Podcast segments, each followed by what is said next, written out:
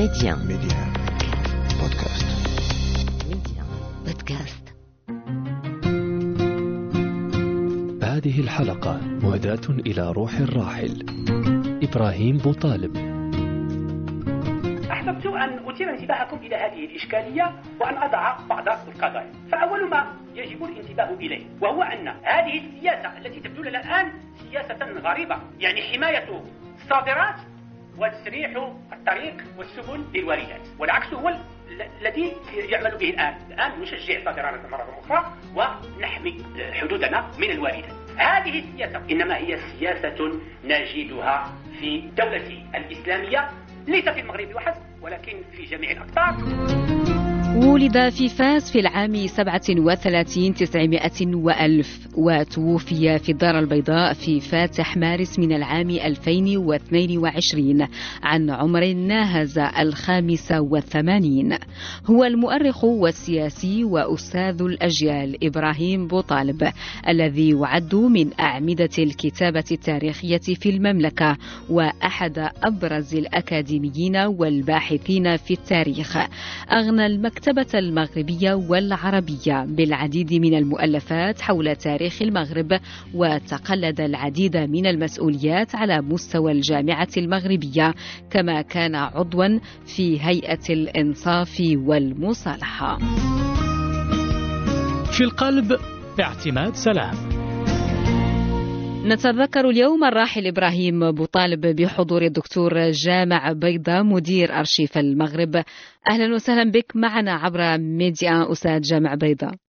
شكرا على الاستضافة على أمواج ميديا. مرحبا. شكرا لك أستاذ جامع إبراهيم بوطالب المؤرخ والسياسي وأستاذ الأجيال. بصم على مسار استثنائي وعطاؤه.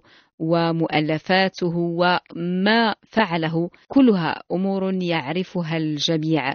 لكن سأطلب منك أن تحاول اختصار هذا المسار الغني والثري في بضع كلمات. هو في الحقيقة من الصعب جدا اختصار آه، المسار الاستثنائي لهذا الرجل. آه، قبل كل شيء آه، في ذكرى في ذكرى وفاته الذكرى الأولى لوفاته لأنه غادرنا في فاتح مارس من السنة الماضية في. هذه الذكرى لا بد من أن ندعو له بالرحمة والغفران ونجدد التعازي لأسرته الصغيرة وأسرته الكبيرة. وأنا, وأنا وأنتم من والمغاربة أجمعين من أسرته الكبيرة صحيح. لأنه لأن قلبه كان متسعا للوطن بل كان كان الوطن يسكنه في كل على أي حال في كل ما عرفت عنه وأنا تلميذه آه، في بدايات أو في منتصف السبعينات من. القرن الماضي هناك تعرفت عليه يعني تعرفت عليه عن قرب كأستاذ بالرغم من أن الجميع كان يعرف اسمه عن بعد كمحاضر وكسياسي لامع. وكأحد كتاب ذلك الكتاب الذي رافقنا ونحن في الثانوي في في في الثانوية قبل الجامعة قبل الجامعة. نعم. ذلك الكتاب الذي المعنون Histoire du Maroc. صحيح. وغلافه ما زال ماثلا أمام عيني بالزليج المغربي. بالزليج المغربي. وما أدراك ما الزليج نعم. المغربي وأنت تعرفين ماذا أقصد. اذا آه، تعرفنا عليه قبل آه، يعني منذ زمان وطبعا ولكن التعرف عن قرب هو عندما كنت أحد طلبته آه، في كلية الآداب والعلوم الإنسانية بالرباط في شعبة التاريخ وكان المادة التي يدرسها أو المواد التي آه، درسها لنا ونحن طلبة هي الثورة الصناعية وأيضا ال- آه، الثورة الصناعية ولكن أيضا آه، حقبة آه، الأنوار فترة الأنوار بالولايات آه، بأوروبا فترة الأنوار والنهضة.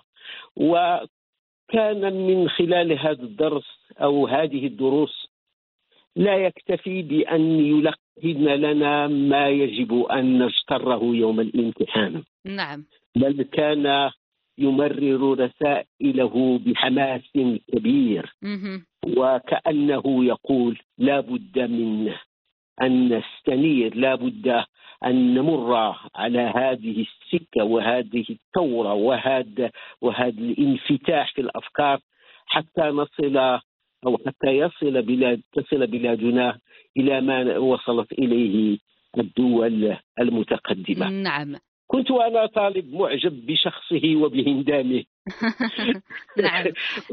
كنت معجب بهندامه لأنه آنذاك كان متأثرا حسب على الأقل مهم. حسب وجهة نظري ووجهة نظر الطلبة الآخرين. كان متأثرا بالجنتلمان الإنجليزي. مهم. فكان فكان كان تفارق- المظهر. أنيق المظهر وكان لا تفارقه آه، تلك الفستادية لا تويد من من من ليكوس. وكان أيضا يوم الأحد أو في في في عطلة نهاية الأسبوع قد يصادف المرء وهو ربما يذهب للرياضة. و- و- يعني وهو وهو في مظهر غير المظهر المألوف لدى الأساتذة صحيح. الآخرين. نعم آه، أستاذ جمع بما أنك تحدثت عن هندامه وعن شكله آه، آه، ربما هو كانت لديه كاريزما خاصة لم يكن يتمتع بها فقط في رحاب الجامعة كمحاضر وخطيب وأستاذ ولكن أيضا خارج هذا الإطار كاريزما لأنه كان محاضر لأنه أيضا يجمع بين الأستاذية والسياسي فقد صحيح. كان أنا آنئذ نشيطا في آه، في المحاضرات في مهم. إطار الاتحاد الاشتراكي. آه، فمحاضرات بل وإنه لقد تقدم كان برلمانيا أيضا صحيح كان نائبا برلمانيا عن فاس في السبعينيات نائبا برلمانيا مهم. وبالتالي فهذه هذه القبعات المتعددة تعطي للرجل كاريزما لا يمكن للطالب إلا أن أن يتشوف إليها بإعجاب وهذا ما كان ما كان آه، شعوري آنئذ. وفي آخر هذا الانفتاح على الغرب والانفتاح على العالم لا لا يتناقض آه، لديه بتثبت آه، كبير بوطنيته.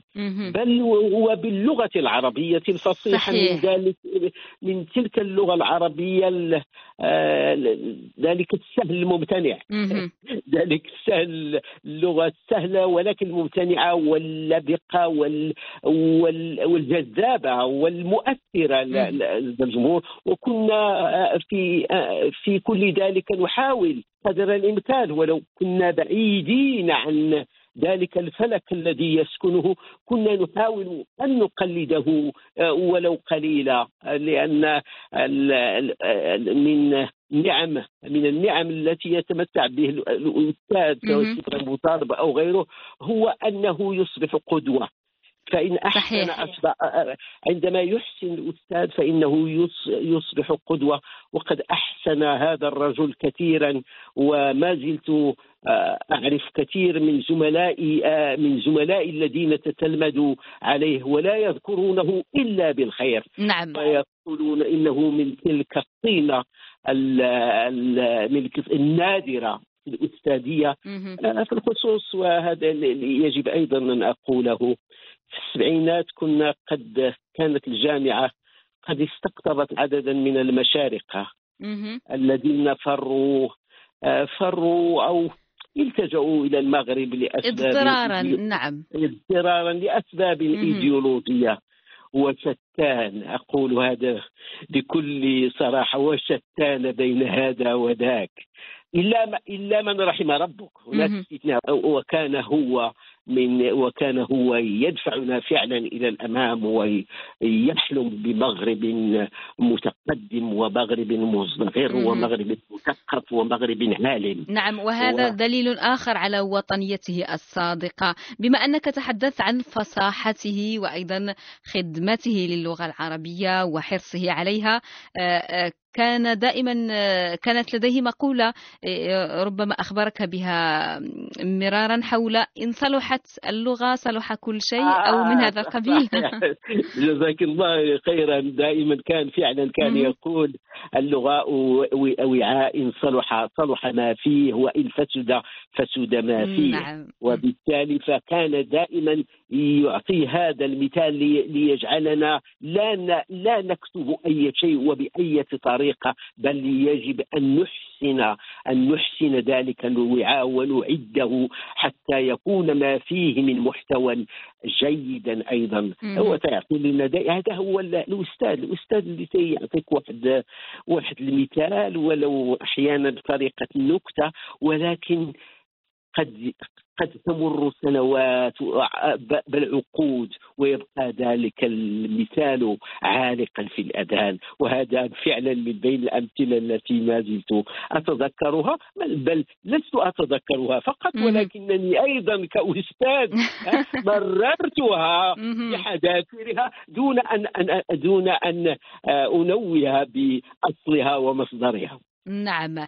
طيب بما أننا نتحدث عنه كأستاذ وأنت درست على آه، يده قبل أن تصبح زميلا له أيضا كأستاذ في الكلية آه، سأستمع وإياك أستاذ جامع بيضاء لمقتطف من إحدى آه، محاضراته كانت حول التجارة في علاقتها بالمجتمع والدولة عبر تاريخ المغرب وهي من الثمانينيات. سنستمع لمقتطف قصير ثم نواصل هذا الحوار.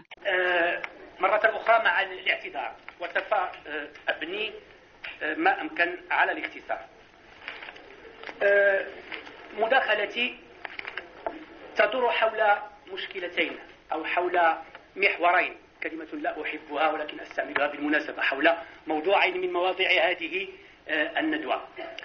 مشكلة التجارة الخارجية ومشكلة الدولة وتعاملها مع التجارة الخريجية كان هذا مقتطف. لا أعرف لماذا ذكرك. فيه أيضا اللغة العربية. هو ذكرني ب آه، آه، ب- بأنه كان آه، يعتبر التجارة. لأن هذا هذا هذا هذا المقتطف من هذه المحاضرة. يكاد يذكرني بدروسه حول النظريات الاقتصادية. وكيف أن التجارة هي آه، شبكة ت- تنتقل من خلالها لا البضائع فقط ولكن الأفكار والنظريات صحيح أيضا. صحيح. آه، لذا دائما وهذا ما أعيده ولو آه، وهنا في التكرار فائدة. الرجل عندما يختار موضوعا ما يختاره لهدف فهو يحرر مقالا آه، انظري على سبيل المثال كل تلك المقالات التي حررها في معلم في موسوعة معلمة المغرب صحيح لا يمكن أن يحرر شيئا إلا ووراء ذلك المقال وتلك المحاضرة هدف سامي يخدم البلد.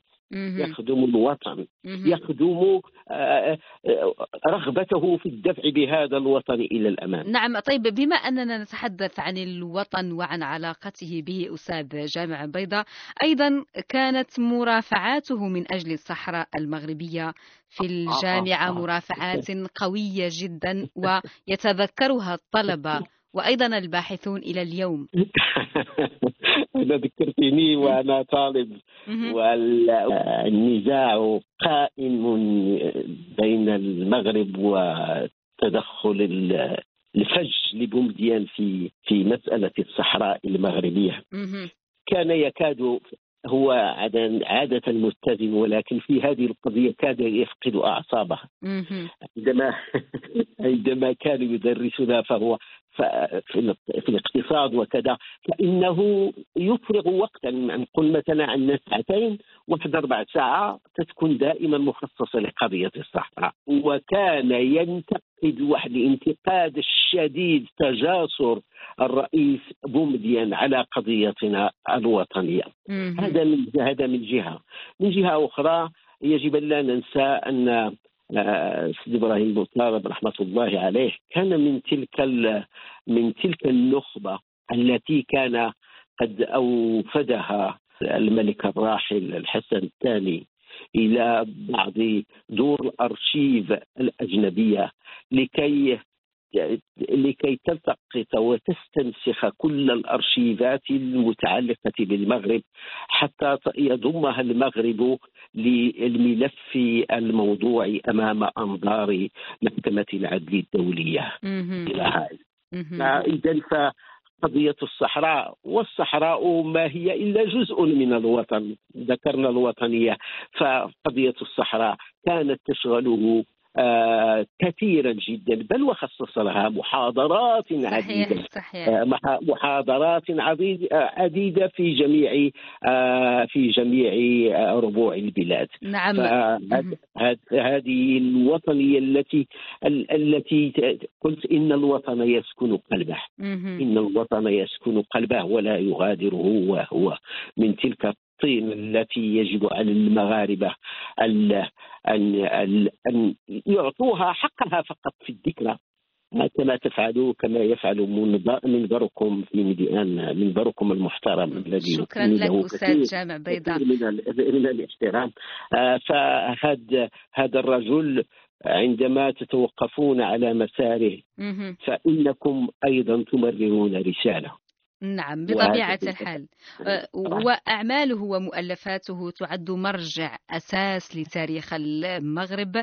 أه، وهو من من القليلين أستاذ جامع بيضة الذين اهتموا بقضايا البادية المغربية وطبعا له أه، ذلك الكتاب الفريد الذي عنوانه البادية المغربية عبر التاريخ سواء الأنشطة الفلاحية هو كان كان منسقا لهذا كان العمل. منسقا كان منسقا كان منسقا بصفته رئيس الجمعيه المغربية للبحث التاريخي. نعم. فقد كان على رأس هذا الجمعية العالمة. لأن يعني هذه هذه كلمته. يحب أن يسميها الجمعية العالمة حتى تنفرد آه بصبغتها العالمة ولا ولا ولا نحصرها ضمن جمعيات السهول والجبال. نعم وكان أيضا يقرن العالم بأهل الحنطة.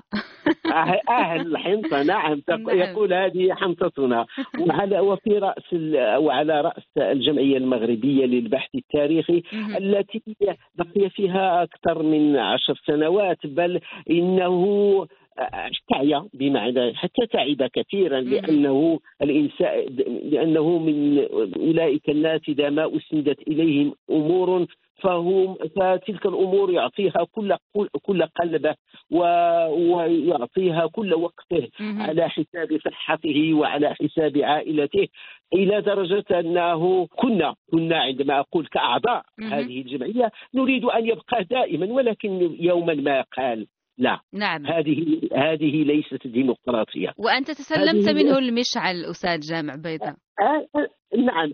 أنا تسلمت منه المشعل على مضض لأنه على مضض لأنني أعرف أنه بالرغم من آه، كل وفائي لهذه الجمعية فلن أصل إلى ما وصل إليه هو في هذه الجمعية فهو قد رفع علمها عاليا وكنت أخشى آنئذ أن لا لا الا أكمل المشوار على ذلك المستوى الذي أراده.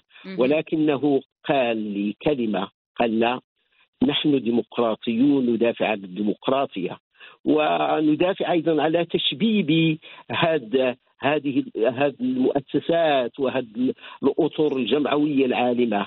فعليك أن فعليك أن تأخذ هذا وأنا سأبقى معك دائما في المشوره في الكواليس. وإن شئت أن تأتي إلى بيتي كل يوم للاستشارة فأنا رهن إشارتك. وقال لي شيئا آخر لا بد أن أن أذكره. عندما تسلمت مقاليد الجمعية التي ترأستها لمدة ست سنوات. نعم. قال لي اسمك جامع عليك أن تجمع الآن. نعم. أن تجمع أهل الحنطة مم. أن تجمع المؤرخين. فهذا وتنسى. حتى لو لم إن لم لو كانت لديك بعض الخلافات مع البعض إن أن تنسى كل ذلك. مهم. وتجمع الناس في إطار هذه الجمعية العالمة. نعم. وكذلك فعلت قدر المستطاع. وأنت اسم على مسمى أستاذ جامع. بارك بارك الله فيك. الراحل إبراهيم بوطالب طبعا آه، كانت له مجموعة من المسؤوليات وقد رأس الجمعية المغربية للتأليف والترجمة والنشر أيضاً. وأيضا كان آه، آه، رئيسا لهيئة تحرير مجلة هسبريس تامودا وكنت حاضرا أنت فيها أيضا. لكن هناك أيضا محطة مهمة ينبغي أن نتحدث عنها أستاذ جامع بيضة وسأقول أنا الجملة التي كان هو آه، يرددها وأنت ستقول لي ما تلك المحطة عندما كان يقول Je suis l'historien de service de l'instance. هذا je suis l'historien de service كان قالها لي في إطار ذلك العمل الدؤوب الذي قام به العمل النضال الذي قام به في إطار هيئة الإنصاف والمصالحة. نعم. فهيئة الإنصاف والمصالحة عندما آه، انطلقت آه، بتعليمات من صاحب الجلالة محمد السادس آه، نصره الله. كانت هذه الهيئة التي يترأسها دريس بن زكري كانت محتاجة لكي تقوم بعملها لفهم السياقات التاريخية.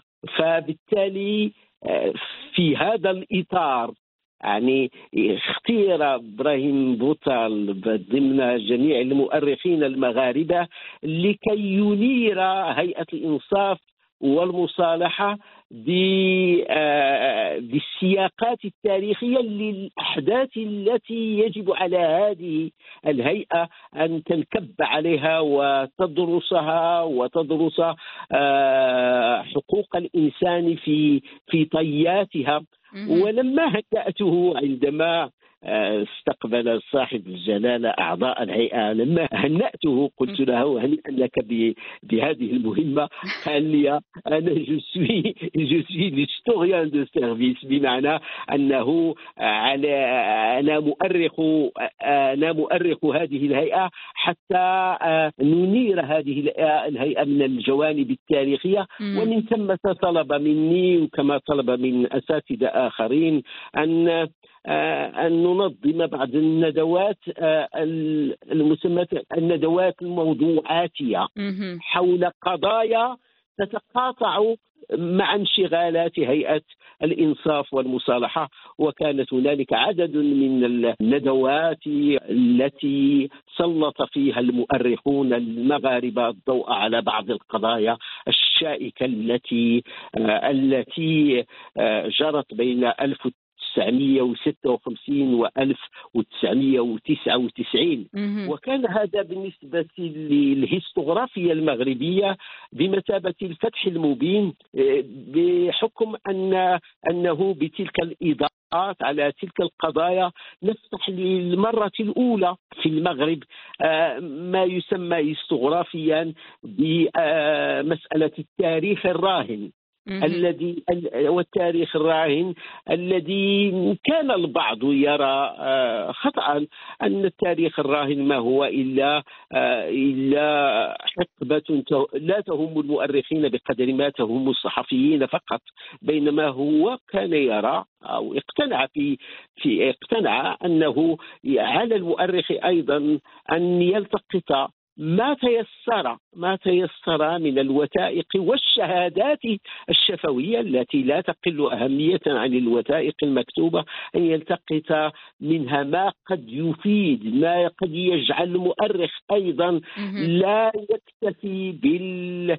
بالأحداث الباردة الماضية الموغلة في القدم ولكن أيضا ينخرط في قضايا آه، في نعم. قضايا يومه ولكن بمنهج المؤرخ. لا بمنهج المناضل ولكن منهج المؤرخ الذي يروم الموضوعية ولو بنسبية الموضوعية في العلوم الإنسانية كما هو معروف. نعم.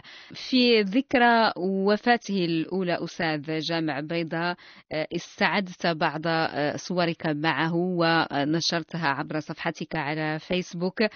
نحن الآن في ختام هذه الحلقة التي نهديها إلى روحه. ماذا تقول له؟ أقول له أخي إبراهيم بوطالب إنك لم تمت. إنك خالد في قلوبنا وفي قلوب المغاربة. فالبذرة التي وضعتها في أرض هذا الوطن حية وستعطي ثمار أخرى عبر الأجيال. أقول له نم مطمئنا فقط. فنحن نحن على دربك سائرون. نعم. رحمه الله وسيبقى دائما المؤرخ والسياسي وأستاذ الأجيال إبراهيم أبو طالب. في القلب كل الشكر لك الدكتور جامع بيضة مدير أرشيف المغرب حفظك الله ورعاك وأشكرك جزيل الشكر وأشكر إذاعة ميدي على توقفها على على عند مسار هذا الرجل العظيم. حفظك الله أستاذ جامع وشكرا لكم مستمعينا وإلى حلقة أخرى وشخصية أخرى في القلب.